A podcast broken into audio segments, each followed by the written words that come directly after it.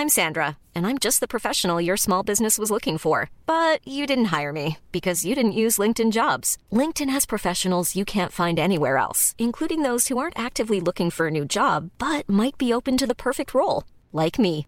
In a given month, over 70% of LinkedIn users don't visit other leading job sites. So if you're not looking on LinkedIn, you'll miss out on great candidates like Sandra. Start hiring professionals like a professional. Post your free job on linkedin.com/people today. Wow. Nice. Yeah. What you're hearing are the sounds of people everywhere putting on Bombas socks, underwear, and t-shirts made from absurdly soft materials that feel like plush clouds. Yeah, that plush. And the best part? For every item you purchase, Bombas donates another to someone facing homelessness. Bombas. Big comfort for everyone. Go to bombas.com slash ACAST and use code ACAST for 20% off your first purchase. That's bombas.com slash ACAST. Code ACAST. Ryan Reynolds here from Mint Mobile. With the price of just about everything going up during inflation, we thought we'd bring our prices down. So to help us, we brought in a reverse auctioneer, which is apparently a thing. Mint Mobile unlimited premium wireless. Have to get 30, 30, bit to get 30, bit to get 20, 20, 20, bit to get 20, 20, bit to get 15, 15, 15, 15 just 15 bucks a month. So, Give it a try at mintmobile.com slash switch. $45 upfront for three months plus taxes and fees. Promo rate for new customers for limited time. Unlimited more than 40 gigabytes per month. Slows. Full terms at mintmobile.com. Vi är denna vecka sponsrade av Indie Beauty. Och Sofie, det här tycker jag är extra fint och extra roligt. Ja men Indie Beauty är ju ett skönhetsvarumärke som jag tror att väldigt många känner till, men det jag älskar mest det är att Indie Beauty liksom vill vara mer än bara produkter, vilket de ju också är. Exakt. Indie Beauty står ju för Independent Beauty, skönhet på dina villkor och för din egen skull.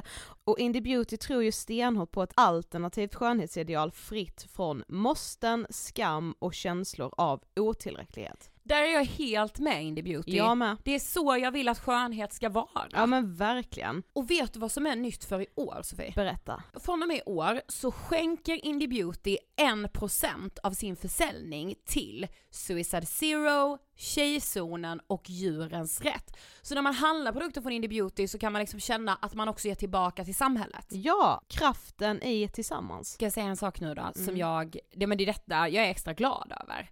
Nu har Indie Beauty tagit fram en keps och den tycker jag ändå så på sommaren, skydda sig från solen. Jättebra, jag älskar kepsen. Men det bästa, de bidrar till Suicide Zeros viktiga arbete för att minska antalet självmord och självmordsförsök.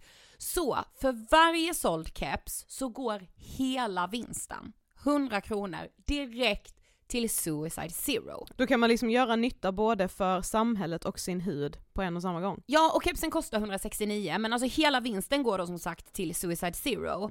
Så om man vill göra skillnad när man är där ute i solen, nu när den börjar titta fram, då ska man välja den här kepsen. Den säljs exklusivt på indiebeauty.se och på Apotea. Tillsammans kan vi skapa en ljusare framtid. Vi ses med kepsarna på! Tack Indie Beauty. Vi är sponsrade av Mindler och som ni säkert vet sedan tidigare så är vi ju ute på psykologresan tillsammans. Men hur vet man egentligen när det är dags att söka hjälp? Ibland uppstår saker i livet som kommer utmana oss och kännas tufft.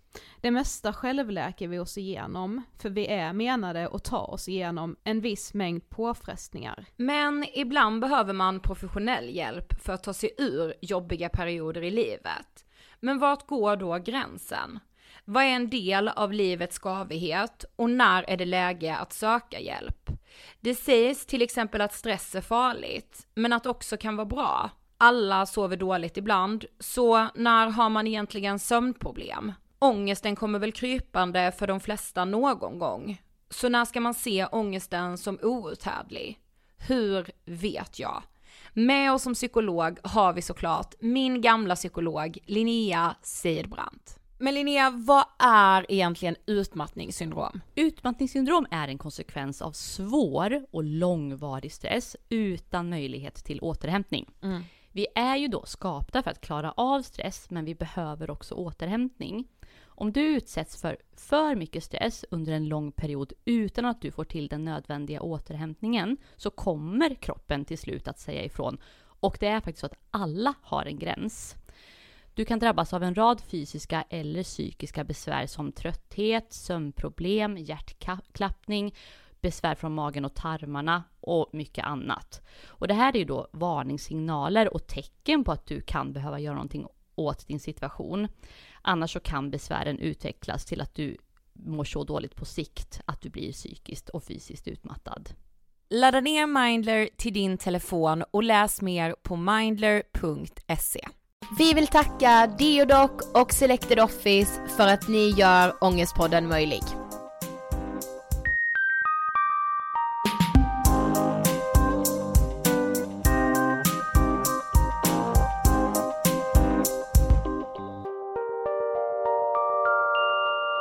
Hej och välkomna till Ångestpodden avsnitt 42.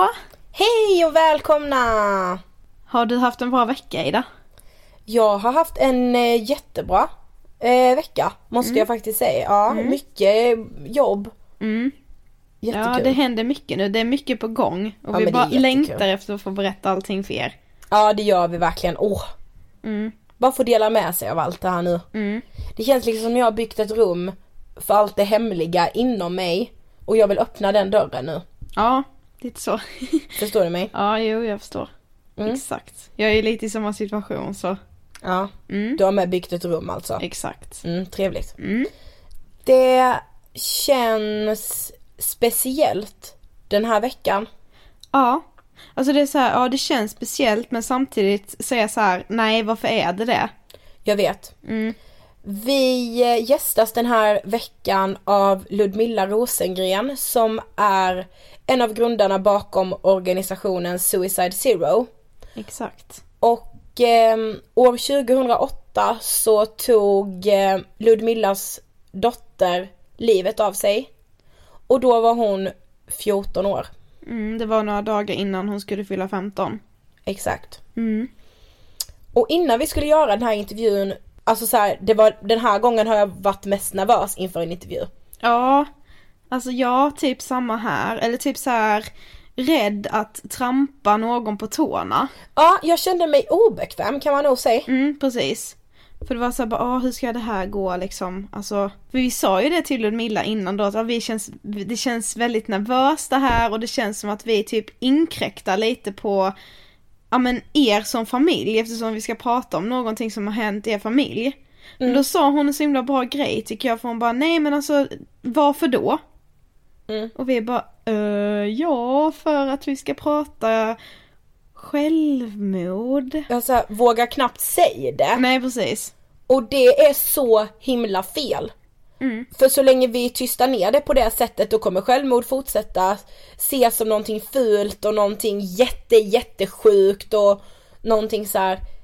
Ja, men, Självmord börjar alltid, inte alltid, men i de allra flesta fall i psykisk ohälsa. Eller Mm, exakt. alltid kan man nog säga va? ja. Och ju räddare vi blir för det ordet, alltså självmord, ju mer tabubelagt kommer det fortsätta vara. Exakt. Så grejen var, du sa en skitbra sak Sofie när vi gick ifrån intervjun. Du bara, vi ska prata självmord varenda dag. Någon gång under varje dag ska vi säga ordet självmord. Ja. För att man måste liksom på något sätt göra det också lättillgängligt och bara så här, ja men självmord är självmord, det är jättehemskt men vi måste ju prata om det. För att motverka det. Ja precis, för att motverka både tabut och att det sker. Exakt. Mm. Ni kommer säkert förstå mig när, vi, när ni hör intervjun. Eh, och det är en eh, väldigt gripande berättelse. Jag kan övertyga er om att det här lämnar ingen oberörd. Nej.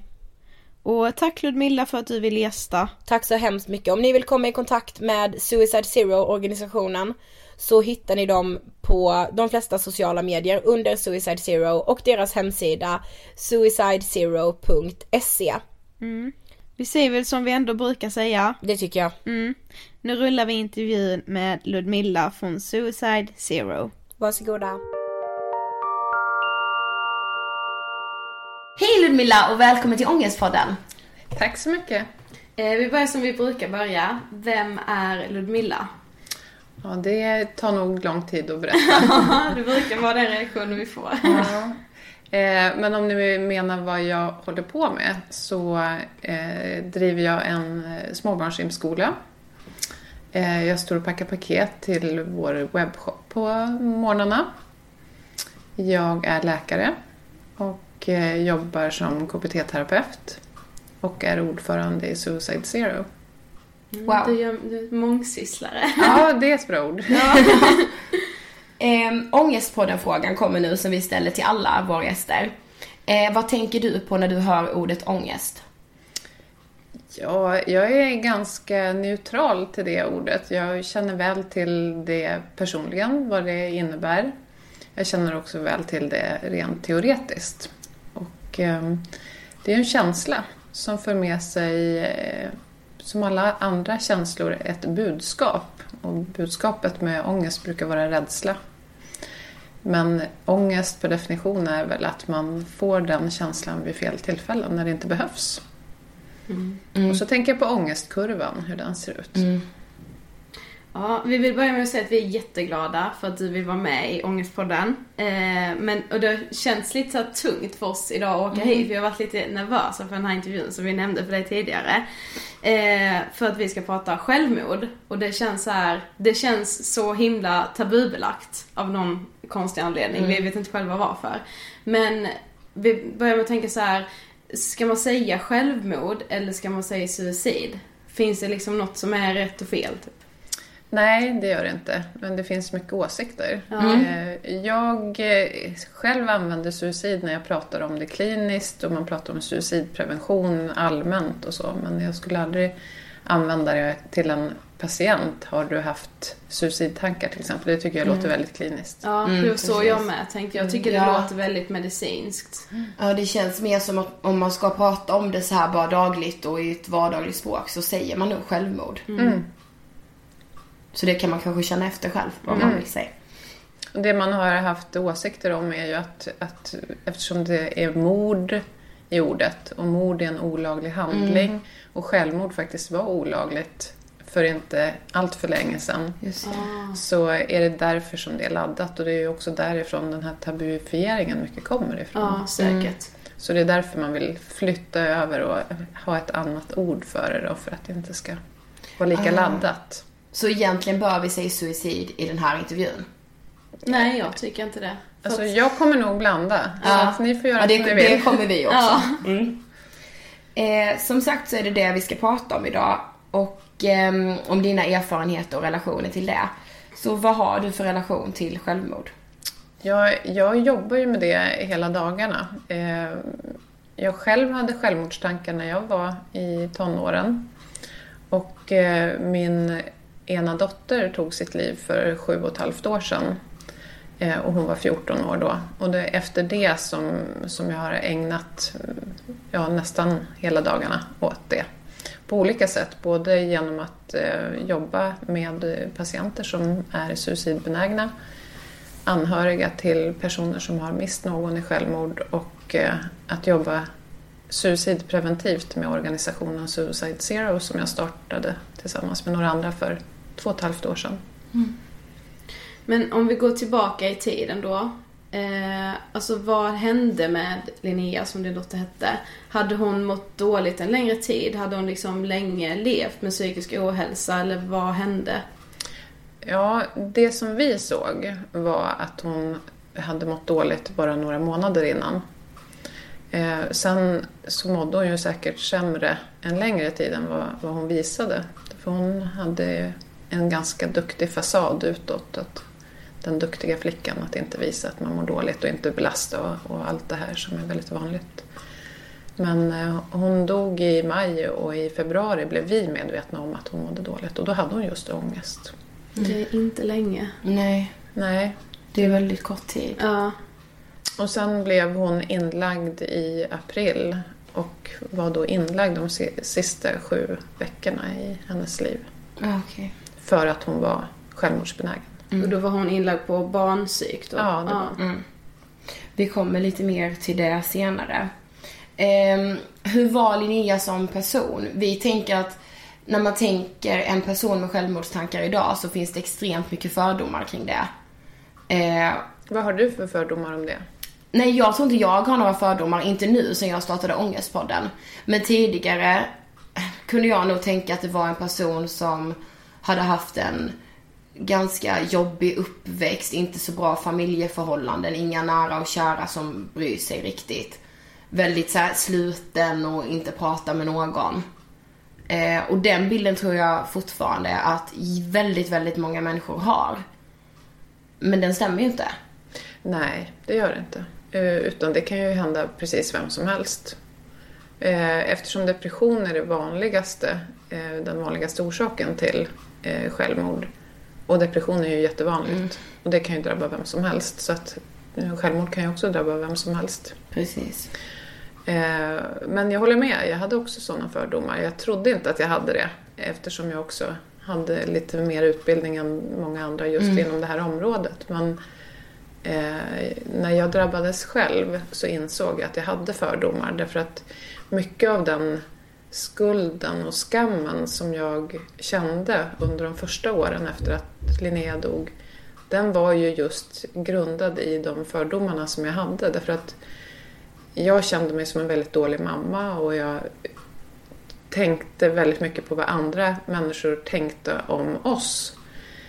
Men det var ju speglat i mina egna fördomar. Eh, så det var ju... Men så var det. Mm. Jag kom på nu, alltså du är utbildad läkare.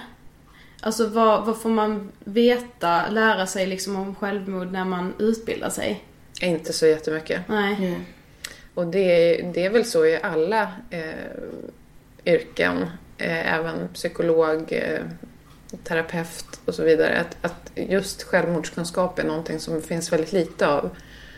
Och inom läkarlinjen så är det ju framförallt fokus på skattningsskalor och liksom hur självmordsstegen och hur man mm. frågar på det sättet. Men, men det vet vi ju att det är inte där den viktiga kunskapen kommer in Nej. utan det är hur man pratar med en annan människa, hur man får en annan människa att känna hopp och, och förtroende på och hopp om förändring. Mm, ja, precis. precis. Det är väldigt märkligt tycker jag att det liksom inte är mer kunskap, inte ens på den biten liksom. Nej, och det, det är jättetragiskt att det är så, men det märker jag ut mycket och föreläser för alla kategorier. Mm. Och det är en väldigt, väldigt basal nivå som jag föreläser på. Det är, och det är samma oavsett om det är allmänheten eller om det är inom psykiatrin. Eller om ja, det är... jag menar det är inte konstigt om det finns bristande information om självmord i samhället. Om det inte ens kommer Nej. bra information ifrån sjukvården. För det är dit man ändå tror att man kan vända sig ja. om man mår dåligt. Ja, man, det är ju där man ska känna tryggheten ja. så fort man kommer dit. Ja. Liksom så här, men de vet. Men... Men, men eh, de människorna som man möter där är ju också människor som går också med mycket av det som ni kommer hit med idag. Den här rädslan att säga fel, att trampa in, att på något sätt så om man har fördomen om att det är en människas val att leva eller dö. Och om en människa då tar det beslutet att avsluta sitt liv, då mm. känner man sig nästan tvungen att respektera det någonstans. Men om man istället inte ser det som ett val utan att det är en förvirrad människas eh, tillstånd där man inte ser något annat val just då. Därför mm. att det känns för svårt. Precis. Men om man då kan förmedla hopp om att det faktiskt det här är ett tillfälligt tillstånd och det kommer att kännas annorlunda om inte allt för långt, lång tid då blir det ju en helt annan inställning som man har. Om man ställer sig på samma sida om problemet så att säga. Mm, och säger att oj, det här måste vara tufft för dig att ha sådana här tankar. Precis som att det är att ha ont i benet eller mm. någonting sånt. Att man inte gör det som en del av den andra människan. Mm. Utan okej, okay, men hur ska vi då göra? Då säger, vilka situationer är det de här tankarna kommer? Vad gör du då? Tankar är bara tankar. Mm. Eh, och vad kan du göra istället när de kommer och, och så vidare. Ja, så att man precis. angriper det på det sättet istället. Ja. Mm. Men eh, det är också svårt att se hur man ska kunna göra en förändring i samhället om alla går omkring med, med den här typen av rädslor och tabu, skam och skuldtankar kring självmord.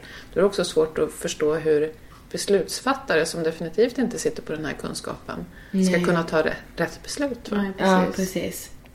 Men hur märktes det på Linnea att hon inte mådde bra? Alltså hur märkte ni i familjen att hon började må dåligt där i februari som du sa? Att hon hade ångest. Eh, mm. Och hon eh, ville inte dela med sig av det. Utan hon stängde in sig i sitt rum och var inte tillgänglig för samtal. Så. Mm. Och det var väldigt smärtsamt för mig som förälder, att inte få hjälpa henne. Ja, för det har vi märkt också på mail som vi får ibland att det, det måste vara så himla frustrerande att känna att man inte når sitt barn. Fruktansvärt Ja. var det. Eh, och sen så tänkte jag jag får ge det lite mer tid då. Därför att det var vad hon sa, inte nu liksom. Utan det, det här är mitt problem, jag vill lösa det själv. Och, ungefär så. Mm. Och jag försökte få henne att förstå att det är ingenting som man löser själv. Det är ingenting man ska lösa själv. Utan det här är...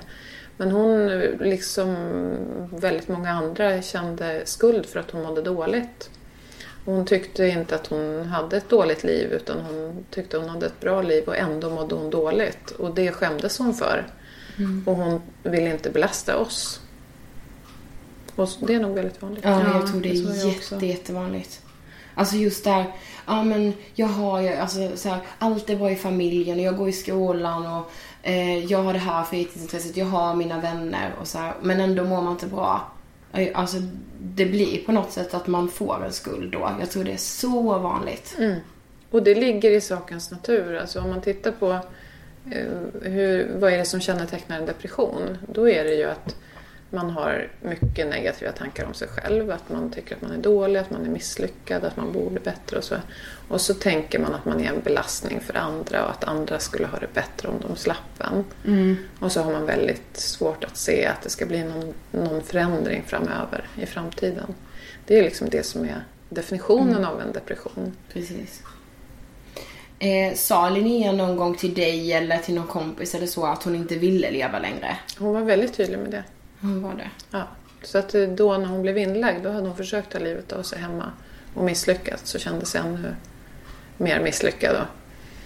Och det var då som hon blev inlagd. Och då var hon väldigt tydlig med att hon inte ville bli 15.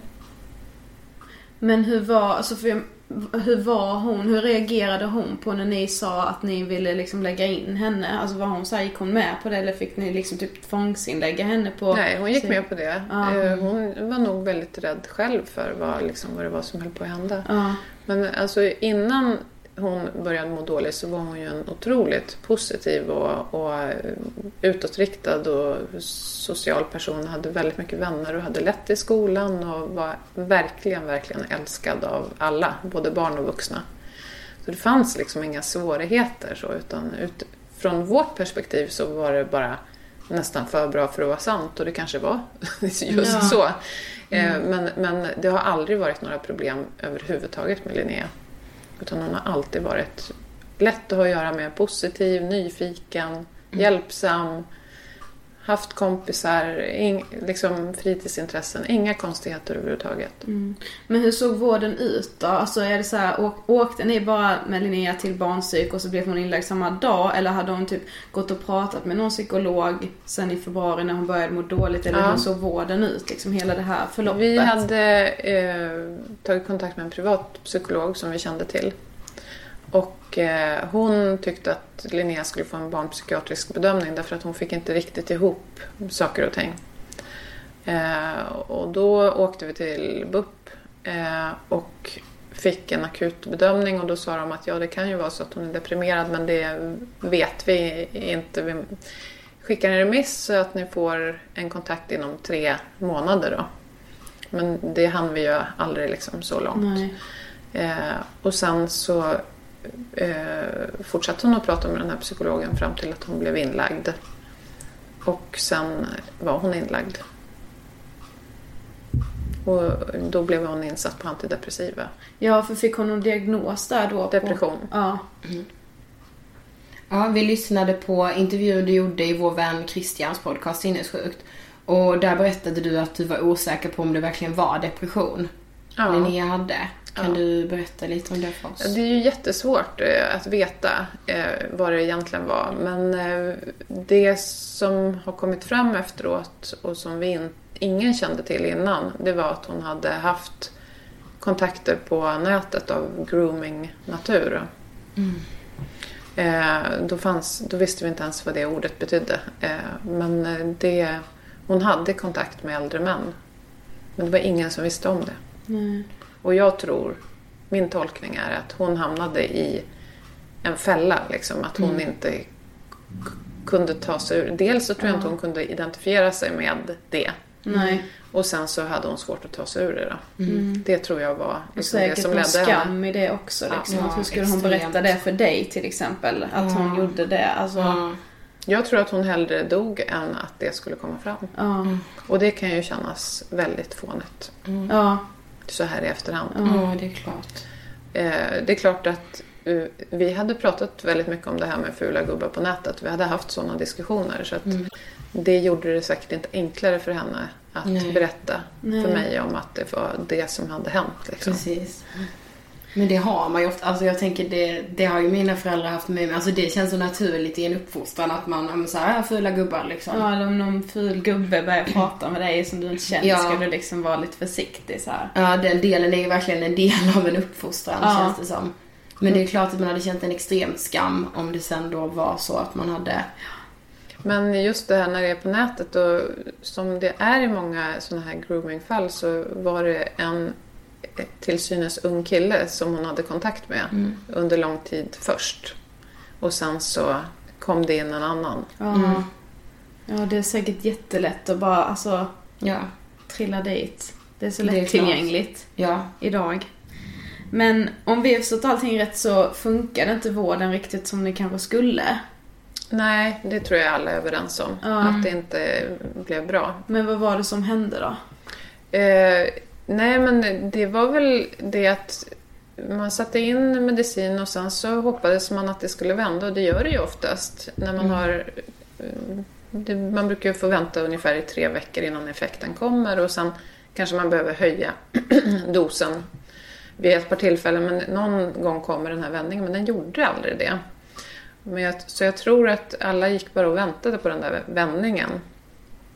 Eh, och eh, vi var väldigt frustrerade och såg ju att Linnea inte var som hon brukade vara utan vi misstänkte ju att det var någonting annat än depression och hon, bland annat så hade hon frånvaroattacker och hon liksom overklighetskänslor och, och eh, sånt som inte riktigt kom i samband med ångest utan som kunde komma. Det var vid något tillfälle hon inte kände igen mig när jag kom och sådana här saker. Så att vi började fundera på om det kunde vara en hjärntumör eller Mm. någonting sånt. Ja. Liksom. Men, Men eh, gjordes det inga tester? Nej, det gjordes inte. Vi var på där ganska mycket. Både min man och jag är läkare. Och hade ju liksom tyckt att man skulle utesluta de medicinska orsakerna. Det kan ju vara B12-brist och sköldkörteln och sådana saker som är väldigt Mm. vanligt. Och det gjordes till slut, eh, mot slutet. Och då konstaterade man ju att hon hade eh, onormala värden på båda de två. Eh, men det hann, hann ju liksom aldrig korrigeras. Så att det verkar som att det var flera saker samtidigt. Och det är väl ofta så det är. Eller det är ofta så det är med, med självmord. Man får se det som om det är en... På samma sätt som man ser på en trafikolycka. Att det är inte bara en orsak till att en olycka händer utan det är en serie olyckliga omständigheter som Mm. leder fram till den här kraschen. Och mm, om man ser det ur ett olycksfallsperspektiv så blir det lättare att förstå. Eh, och också lättare att förstå hur man ska eh, förebygga det. Men Mm. det handlar ju alltid från om den egna prestationsförmågan. Om man är trött och har sovit dåligt, vilket ju är vanligt vid en depression. Mm. Eh, och om det är yttre krav som ökar. Och sen så är det någon utlösande faktor som, som gör att det smäller. Då. Mm. Eh, och det är samma sak när man är ute och kör bil och man kanske är trött och dåligt väglag och dålig sikt och sen så får man möte på fel sida om vägen och kan inte reagera Nej, på adekvat precis. sätt. Och ser man det på det sättet så blir det lättare att förstå. Mm. Men det är ju aldrig någon som frågar en liksom, varför krockade han? Mm. Varför krockade Nej. han? Det är aldrig någon som ställer Nej, den frågan. precis. Nej, nej. Eller varför fick han en hjärtinfarkt Mm. just då? Ja. Det är, den frågan ställs ju inte, Nej. men alltid när det är självmord. Ja, och då är det mycket mer såhär, bara, vad gjorde vi för fel? Vad Ja. hade vi kunnat göra annorlunda? Precis. Mm. Och det finns Inget. för det mesta, ja, eller allt, Ja. skulle jag kunna säga. Ja. Därför att det är ju också en myt där att, eh, ja, men har man bestämt sig, då går det inte att förhindra. Jo, Mm. det gör det. ända tills personen är död så går det att förhindra. Mm. Och det är ju ingen tröst för en som förälder, men, men så är det ju. Mm. Tycker du man kan säga, för det, ja, vi pratade ju lite om det innan, men det känns som att det också är kanske lägre, men att vissa verkligen säger så här att ja men det är ett val och det är någonting man väljer. Ja, ja det känns som liv. att jag har hört flera gånger så här, bara men det är ett egoistiskt val. Ja, att, precis. Som att man är egoistisk. Att man liksom Ja, inte det- tänker på vilka man lämnar efter Nej, sig. men det tycker jag. Ja. Du tycker det? Ja, det tycker jag. Jag tycker det är väldigt egoistiskt. Eh, men, Det är intressant. Men samtidigt så är det ju så att man är ju... Just då så tänker man ju inte så. Nej, det, Nej, det är inte, det det är var så. inte Linnea som hon var innan februari. Nej, hon hade ju inte med sig hela, alltså hela... Hon hade inte tillgång till hela sitt Nej. eh, intellekt just Nej, då, precis, om man säger så. Så att man, man tar inte in de delarna. Nej. Man tar inte in vad det får för konsekvenser. Om det får några konsekvenser... Jag tror hon tänkte så här. Nu har alla försökt att få mig att må bättre under så lång tid. Och de har inte lyckats. Jag har gett det här lång tid nu. Jag har gett dem Ja, för en henne chans. kändes det säkert jättelång tid. Ja.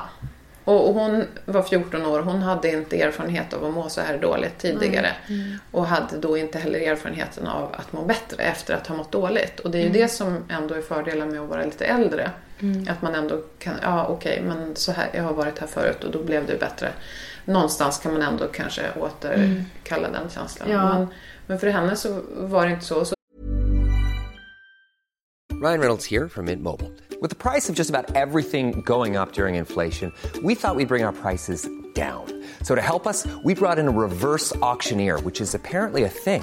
Mint Mobile unlimited premium wireless. Ready to get 30, 30, bit to get 30, bit to get 20, 20, 20, bit to get 20, 20, bit to get 15, 15, 15, 15 just 15 bucks a month. So, Give it a try at mintmobile.com slash switch. $45 upfront for three months plus taxes and fees. Promo rate for new customers for limited time. Unlimited more than 40 gigabytes per month. Slows. Full terms at mintmobile.com. I'm Sandra, and I'm just the professional your small business was looking for. But you didn't hire me because you didn't use LinkedIn jobs. LinkedIn has professionals you can't find anywhere else, including those who aren't actively looking for a new job but might be open to the perfect role, like me. In a given month, over 70% of LinkedIn users don't visit other leading job sites. So if you're not looking on LinkedIn, you'll miss out on great candidates like Sandra. Start hiring professionals like a professional. Post your free job on linkedin.com/people today. Hey there, it's Michelle Norris. I'm host of a podcast called Your Mama's Kitchen. When I travel, I'm usually looking for a way to find a taste of home when I'm not at home. And one of the things I love to do when I am at home is entertain. And Airbnb allows me to do that. When I was in California recently, I rented a house that had a great kitchen. And when we were sitting around the table, we we're all thinking, we're in someone else's house. Someone could be in all of our homes as well. If you have a home, but you're not always at home, you have an Airbnb. Your home might be worth more than you think. Find out how much at airbnb.com/slash host. Då tänkte hon säkert att det här är jättejobbigt för mamma och för alla att jag mår så dåligt. Och, och, och då, alla anstränger sig jättemycket och ändå så blir jag inte bättre. Då är det ju bättre om jag bara trycker på delete-knappen och försvinner. Och det tror jag är en väldigt vanlig tanke. Att man tror att man bara kan liksom plocka ur sig själv ur det här sammanhanget och sen så kommer allting bara fortsätta Ja, precis. precis. som om ingenting Mm, hade hänt. precis. Och ja, men det är klart, du kommer kanske bli ledsen en liten stund men, men det går ju över och sen så har ni det mycket bättre utan mig. Så tror jag att de allra flesta tänker. Ja, precis. Men, eh, men om, jag vet, jag började ju skriva en blogg eh, just av den här anledningen att jag märkte att folk var så okunniga och rädda för att möta mig när jag hade förlorat Linnea. Så redan tre veckor efteråt Ja, så vi har började läst några av de här första inläggen. De är ju väldigt starka men vi var när vi läste bara shit vad starkt och säkert bra. För jag menar, du är inte ensam i den här situationen. Det Nej. måste vara skönt för de som att känna någon samhörighet och också för alla som kanske då var rädda att möta dig på stan. Bara, vad ska jag säga till Ja, Milla nu? Liksom, Mm. och jag är ledsen för vad som har hänt. Men också de som har går i självmordstankar och hamnar på min blogg. Det är ju väldigt många som har hört av sig och sagt att Tack för att du har skrivit det här, för nu förstår jag hur min mamma skulle ha det om jag tog livet av mig. Ja. Och, och Det som händer då, det är ju att man ändå tar in den delen också. Och Precis. väger in det och inser att den bild man själv har av att det bara skulle bli lättare för andra om man försvann, att den inte stämmer. Nej, precis. Så att det är det på något sätt. Men, men eh, jag har varit väldigt arg på Linnea. Mm. Det är nog den känslan som har varit starkast hos mig förutom liksom sorgen och, och så. Men att jag har varit... Jag tycker verkligen inte att... Det var verkligen inte befogat om man säger så. Därför hon hade allt som hon kunde ha. Hon hade väldigt många vuxna som brydde sig om henne och som hon tyckte väldigt mycket om och hon hade mycket vänner och hon hade Mm. liksom möjlighet att få precis det stöd som hon skulle ha behövt och det är ingen som skulle klanka ner på henne för någonting liksom. Så att, Mm. så att eh, jag känner mig snuvad på min dotter. Mm. En fantastisk person som skulle haft ett jättefint liv som, hade, som jag hade fått ha kvar tills jag dog. Mm. Och det är jag väldigt besviken på och arg på henne Ja. för att hon tog det ifrån mig. Mm. Och det kanske är egoistiskt från min sida men Nej, jag, tycker vet ju att, att hon hade kunnat må bra. Ja, jag förstår. Eh, så att eh, när hon hade kommit ur den här krisen så hade hon ju kunnat ha ett bra liv. Mm. Och se tillbaka på det som en jobbig men lär, lärorik tid liksom. Mm. Och det är ju så att nio av tio av dem som försöker ta sitt liv, de dör inte. Och de är i de allra flesta fall väldigt, väldigt tacksamma över Mm. att de inte dog eh, när de väl har kommit ur sin kris. Mm. Eh, Och det talar sitt tydliga språk tycker jag. Jag tänkte precis säga det. Det är ju så himla viktigt att komma ihåg det. Ja. Ja. Och, och det har ingenting med hur allvarligt försöket var att göra. Jag menar, vi har en, en eh, volontär inom Suicide Zero som hoppade från sjunde våningen och han var verkligen liksom Ja, han hade funderat över det länge. Ja. Ja. Han skulle dö och han överlevde. Och, det finns, och han är jätteglad för det idag och, och är ute och föreläser om det. Och det finns hur många sådana exempel som helst. Mm. Eh, och det tycker jag är, det är hoppfullt för att det visar att det är värt att kämpa för Mm. att förhindra. Precis, ja. Det är så viktigt. Men just det när man hör det här, men nio av tio eh, överlever. Och de är så himla himla glada för det. Det känns inte som att det har ju, den bilden finns ju inte i samhället. Utan där tänker man ju så här att ja, men de, ja, de är jätteledsna för att de misslyckades. Så sen är det deras mission i livet att försöka ta sitt liv tills de lyckas. Mm. Men så ser det ju inte ut. Nej, är Några som- få personer försöker ju igen och igen. Mm. Och det kan man säga att möter man en patient som har försökt att, att ta sitt liv tidigare så är ju det en väldigt, väldigt stor riskfaktor. Mm. Så det måste man ju ta in i beräkningarna. Men, men ser man det från det andra hållet att, att de allra flesta de gör bara ett försök och sen gör de inga fler försök Mm. och kommer dö i någonting helt annat. Och även om man precis när man har misslyckats med att ta sitt liv och man hade tänkt sig att göra det, då är det klart att då kan man ju tycka att det känns jättefånigt och, och att man skäms och tycker det är pinsamt och man känner sig misslyckad och så. Men då är man ju fortfarande inne i sin kris. Mm. Precis. Men Linnea eh, gjorde först ett självmordsförsök hemma hos er. Mm, och sen ja. gjorde hon flera stycken på avdelningen. Ja, hon gjorde det. Mm. Men vad hände liksom hennes sista dag? Vill du berätta? Ja, då skulle hon till... eh, Hon skulle komma hem på permission, skulle hon. Och eh, det var första eh, gången som hon skulle sova hemma efter att hon hade blivit inlagd. Och så att jag hämtade henne och jag såg väldigt mycket fram emot det. För det kändes ändå som att det var ett steg liksom, mot att hon faktiskt skulle må bättre. Eftersom vi var framme där och att hon skulle sova hemma igen. Mm. Men samtidigt som Linnea låg inlagd på BUP så var hennes stora syster eh, inlagd på kirurgen för hon hade opererat bort en bit av tarmen. Hon hade fått Mm. en inflammatorisk tarmsjukdomsdiagnos.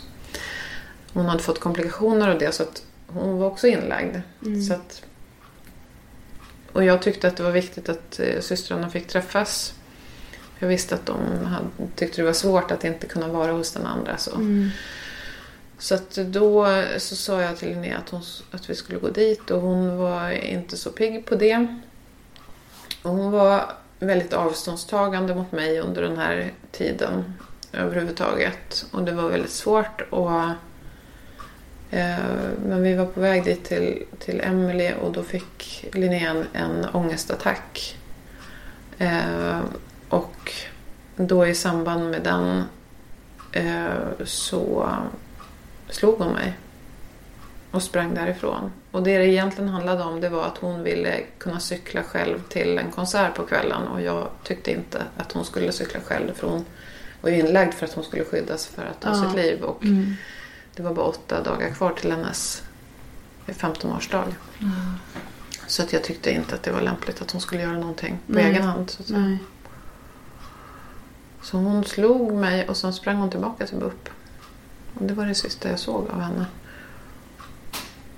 Och jag gick efter och satt utanför det rummet där hon var lång tid och diskuterade med personalen där hur man skulle göra. Och till slut så, så åkte jag hem för jag hade mina småkillar hemma och de sa att jag skulle ringa tillbaka efter en timme. Och jag hade också tagit upp det här med konserten, om hon skulle gå på den eller inte. Och, och de sa att nu har ju hela planeringen ändrats så att det får vi ta ställning till när du, när du ringer sen då. Men sen när jag ringde tillbaka så hade hon redan fått cykla iväg själv till den här konserten. Alltså jag blir så jävla förbannad, jag alltså, också. seriöst. Jag tror att den personen som tillät henne att göra det också känner så. Ja. Det är ju ingen som ville liksom att hon skulle dö. Nej. Eh, men, eh, men det gjordes eh, felbedömningar eh, och man tog inte heller in eh, min, mina synpunkter som mamma utan jag upplevde att de tyckte att jag var ganska jobbig. Ja, för jag tänker typ så här, alltså hur var Linnea då typ mot dig och mot personalen? Alltså upplevde du typ att hon så här försökte lura er att hon mådde bra och inte alls ville ta sitt liv? Eller var hon fortfarande väldigt tydlig med att jo, jag vill inte fylla 15? Det var hon. Ja. Supertydlig. Men däremot så, så var hon nog duktig gentemot personalen att hålla upp en, en fasad. Jag tror att hon var nog inte en, en typ patient. Därför att hon var inte någon som eh, satt och skar sig eller liksom eh, hade ångestattacker och levde om eller liksom drog sig undan. Utan hon satt ju ute med personalen och bakade med dem och lärde någon personal att spela gitarr. Förstår jag? Alltså Mm. det, och, Mm, och jag stöttade de andra. Och så, så att hon... och Man brukar prata om skenbar kompetens. Mm. Eh, Alltså man, det verkar som att man är så himla eh, duktig och kompetent och kan ta vara på sig. Så att, Ja, för jag förstår inte den felbedömningen Nej, annars. Hur heller. kan man göra en sån felbedömning på en person som så uppenbart inte vill leva liksom? Ja. Ja, liksom nej, men de ställde väl inte frågan, liksom, är det fortfarande så att du tänker att, att du inte ska leva tills du blir 15? Nu Mm. närmar ju sig den här dagen. Alltså man hade inte de diskussionerna. Nej. Man förde inte samtal kring självmord på det sättet. Ja. Utan Nej. det är, ju, det är ju på samma sätt där, att man tassar lite på tå och man vill inte väcka den björn som sover. Hon kanske Mm. glömt bort att hon hade tänkt att ta sitt liv, Ja, så hon ställer inte precis. den Ja, frågan nu. exakt. Ja. Eh, utan eh, man vill inte håsa upp det och sätta för mycket fokus på det utan försöka få fokus på det som fungerar och liksom så. Mm. Så jag jag tycker det är inte så svårt utifrån det perspektivet att förstå att det kunde bli så. Däremot att släppa ut henne, att cykla själv dit, det var helt fel. Därför att här har de sagt att hon ska skyddas hela tiden. Det var därför hon var inlagd.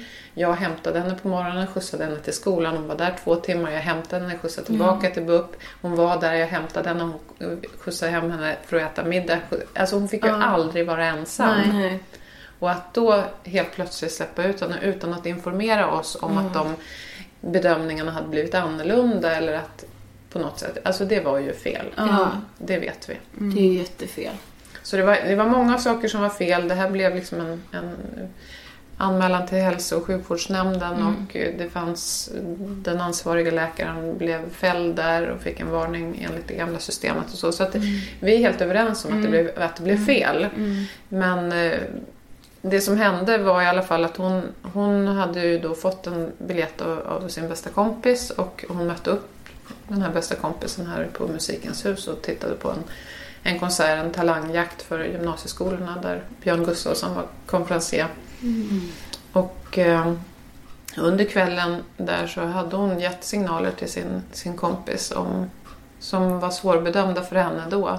Men det var bland annat att eh, hon hade eh, påpekat någonting, hon hade en basker och så hade Linnea sagt till henne att den här kan du få när jag dör till exempel. Mm. Och sen hade hon gett henne ett, typ ett sånt här stenhjärta och, och sagt att den här kan du krama när du saknar mig. Liksom sådana här lite diffusa grejer. Ja. Då, som, som kompisen inte riktigt visste hur hon skulle hantera. Mm. Och, ehm, och sen ville Linnea cykla tillbaka till BUP själv. Trots att kompisen propsade på att hon ville ha, följa med henne. Mm. Linnea sa att ja, men jag har varit inlåst så länge och det skulle vara skönt. Det var en sån här fantastisk sommarkväll. Mm. Mm. Eh, jättevarmt och härligt liksom. Mm. Men då cyklade hon till tågspåret istället. Ja, så svårt att liksom... Ja. ja, det är en sorglig historia. Mm. Men det värsta...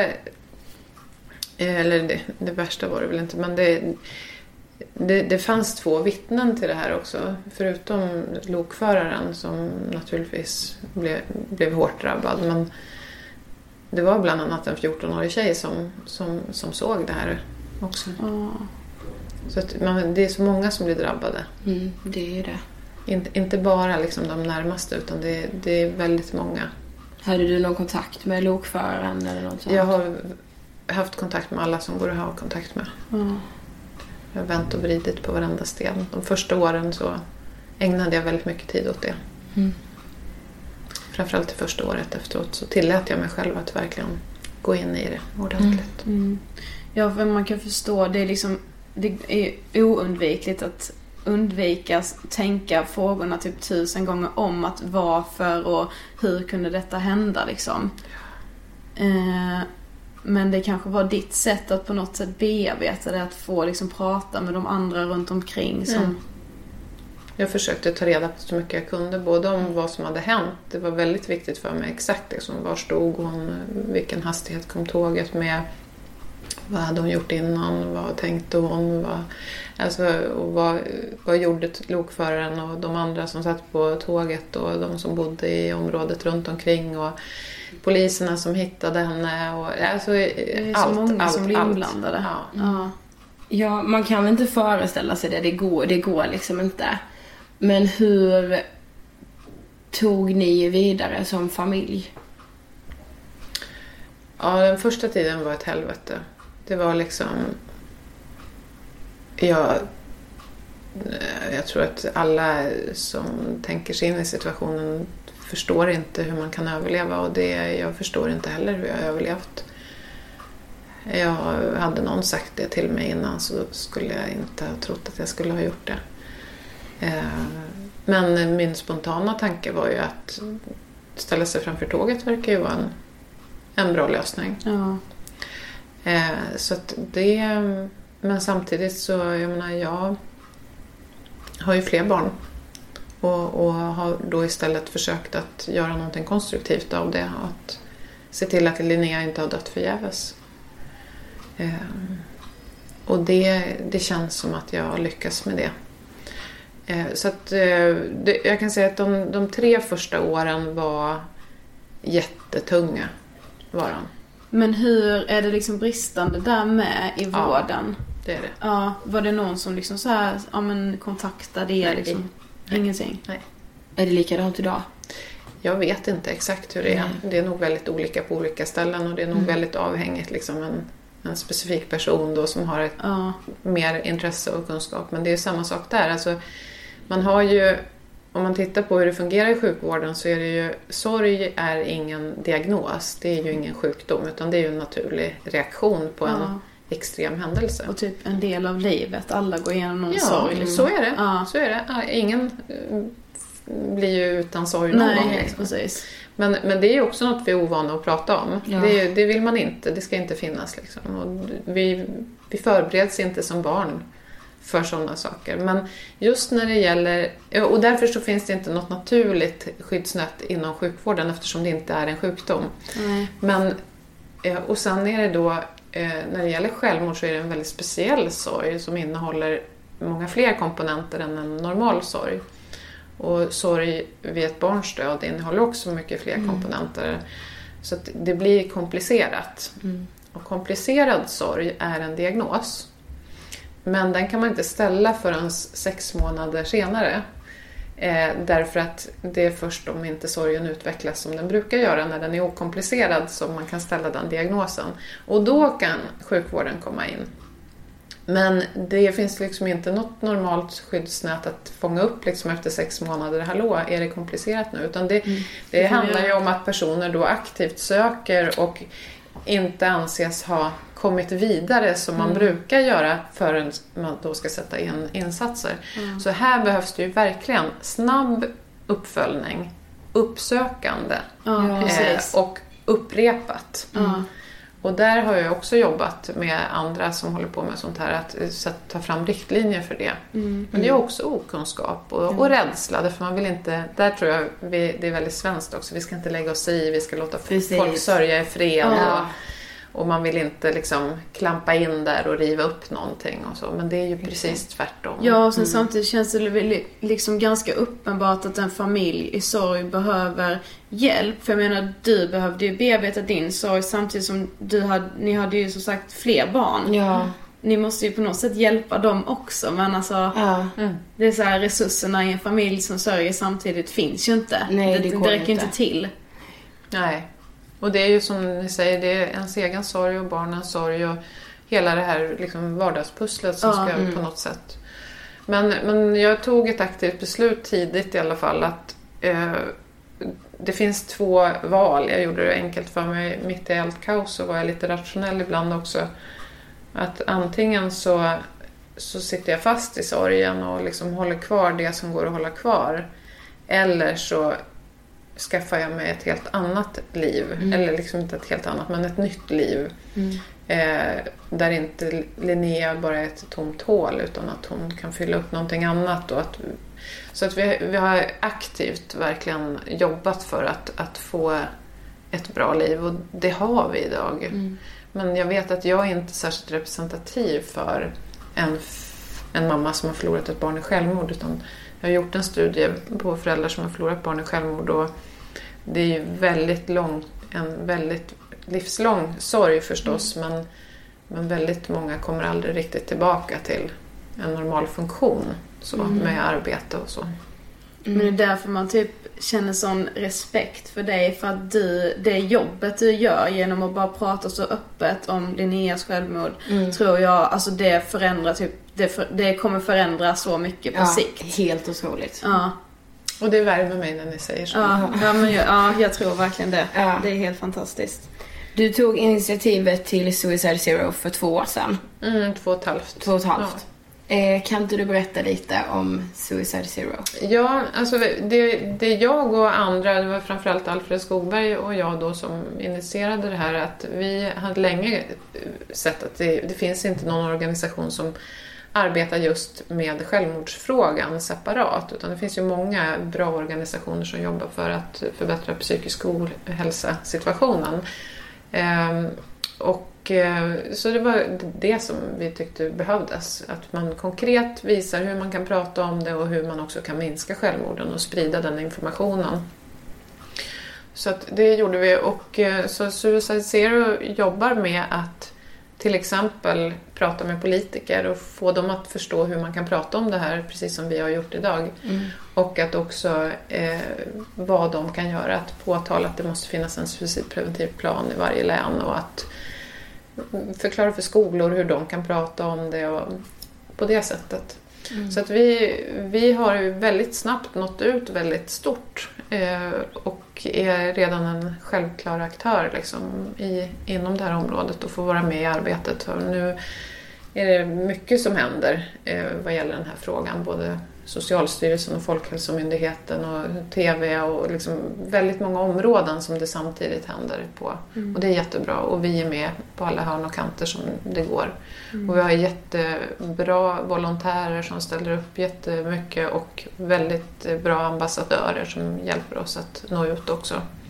Så det är roligt. Ja, wow. Mm. Det är så viktigt också. också. fantastiskt Ja. bra. Eh, har du några tips om man som anhörig märker att man har någon i sin omgivning som går med självmordstankar? Fråga. Mm. Prata öppet om det. Jag ångrar att jag inte pratade mer öppet om det med Linnea. Inte, Jag vågade inte heller. Jag visste, nej, men hon hade sagt det men Sen så förde jag det vidare men jag pratade inte direkt med henne om det. Nej. Det jag hade också en rädsla, liksom, vad, vad skulle det göra? Ja, och jag tänkte på det du sa innan, det här med väcka inte en björn som sover. Om hon inte nämner det igen så har det säkert försvunnit periferin liksom. Men har det varit en tanke en gång så är det säkert där. Det är ju det. Mm. Men, och det är ju det här som när man mår dåligt och har självmordstankar och man kanske har, har signalerat det, vilket de allra flesta har gjort innan. Mm. Men man märker då bara att det blir tyst och att folk blir jätterädda Ja. och inte vågar ta i frågan. Ja. Då känner man sig ensam Ja. och oförstådd. Och det är bättre att man frågar om det och rakt ut. Och så, men hur är det? Har du mycket självmordstankar nu? Har du det fortfarande? Och, Ja, för då blir det inte så skamset heller. Ja. Att Nej, de och jag- kan redan ha försökt en gång liksom. Och jag tänker också att har man väl tagit modet till sig att säga okej nu berättar jag faktiskt, jag har funderat på att ta mitt liv. Då är det redan en så stor ansträngning så man vill inte ta upp det själv igen. Nej. Har man hört någon säga det då måste man säga den tanken finns kvar hos den personen så nu är det upp till mig att fråga. Det tycker jag Det, faktiskt. det är jätteviktigt att man tänker så. Mm. Och, och det är lite märkligt hur, att vi inte reagerar så. Jag tänker om det är någon som, som får ont i bröstet och säger så här Åh gud, jag har ont i hjärtat. Mm. Och då, då kommer ju alla reagera. Mm. Och springa iväg och ringa 112 och så här, på misstanke. Ja. Precis. Inte liksom så här, är du säker på att det är en hjärtinfarkt? Nej. Ja, precis. Känns det fortfarande som Ja, att du eller håller på att dö? Eller Ja men man vad- börjar ju skratta Vi kollar, ju det känns, vi kollar hur det känns om en timme. Ja, det är precis. så man reagerar. Nej. Och sen så, nej precis, och så går man därifrån och sen så tänker man det är bäst att jag inte frågar hur det känns i bröstet nu Ja. därför att tänk om den där känslan kommer tillbaka då. Ja, Ja, men antingen finns den eller så finns den inte. Och jag tror Eller att om vi lär oss att hantera det på det sättet och prata om det på det sättet. Mm. Som att det är någonting som ligger utanför en själv egentligen. Inte som att det är någonting som ligger inom personens integritet och Nej. fria val. Och Nej, liksom det är så. inte en del av personligheten. Nej, utan det är också ett tillstånd som Ja. går att, att, att hantera. Ja, Då tror jag att vi har kommit väldigt långt om vi Ja. kan nå den förändringen. absolut. Okej, vår sista fråga som vi alltid ställer våra gäster. Vad inspirerar dig? Ja, livet. Min egen nyfikenhet på, på att förändring är möjlig, tror jag.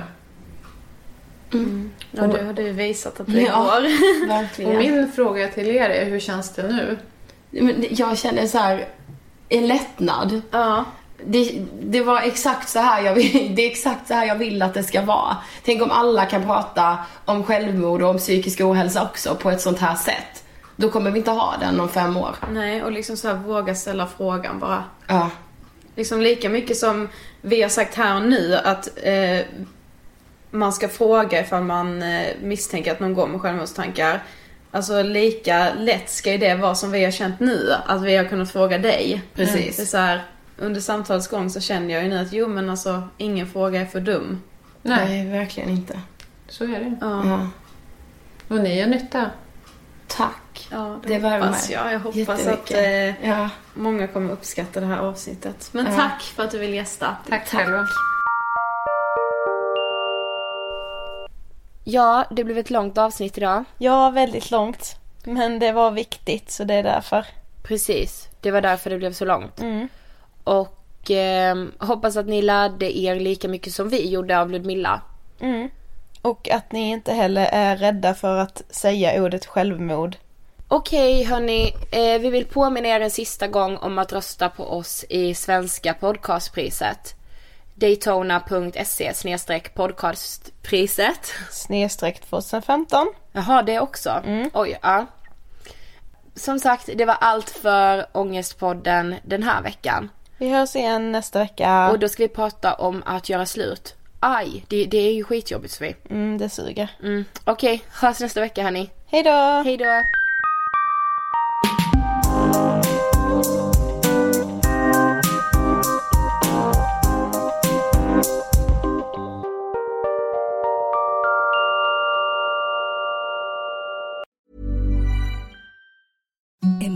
The softest sheets you've ever felt. Now imagine them getting even softer over time. That's what you'll feel with Bowl and Branch's organic cotton sheets. In a recent customer survey, 96% replied that Bowl and Branch sheets get softer with every wash. Start getting your best night's sleep in these sheets that get softer and softer for years to come. Try their sheets with a 30-night guarantee. Plus, get 15% off your first order at bowlandbranch.com. Code BUTTERY. Exclusions apply. See site for details.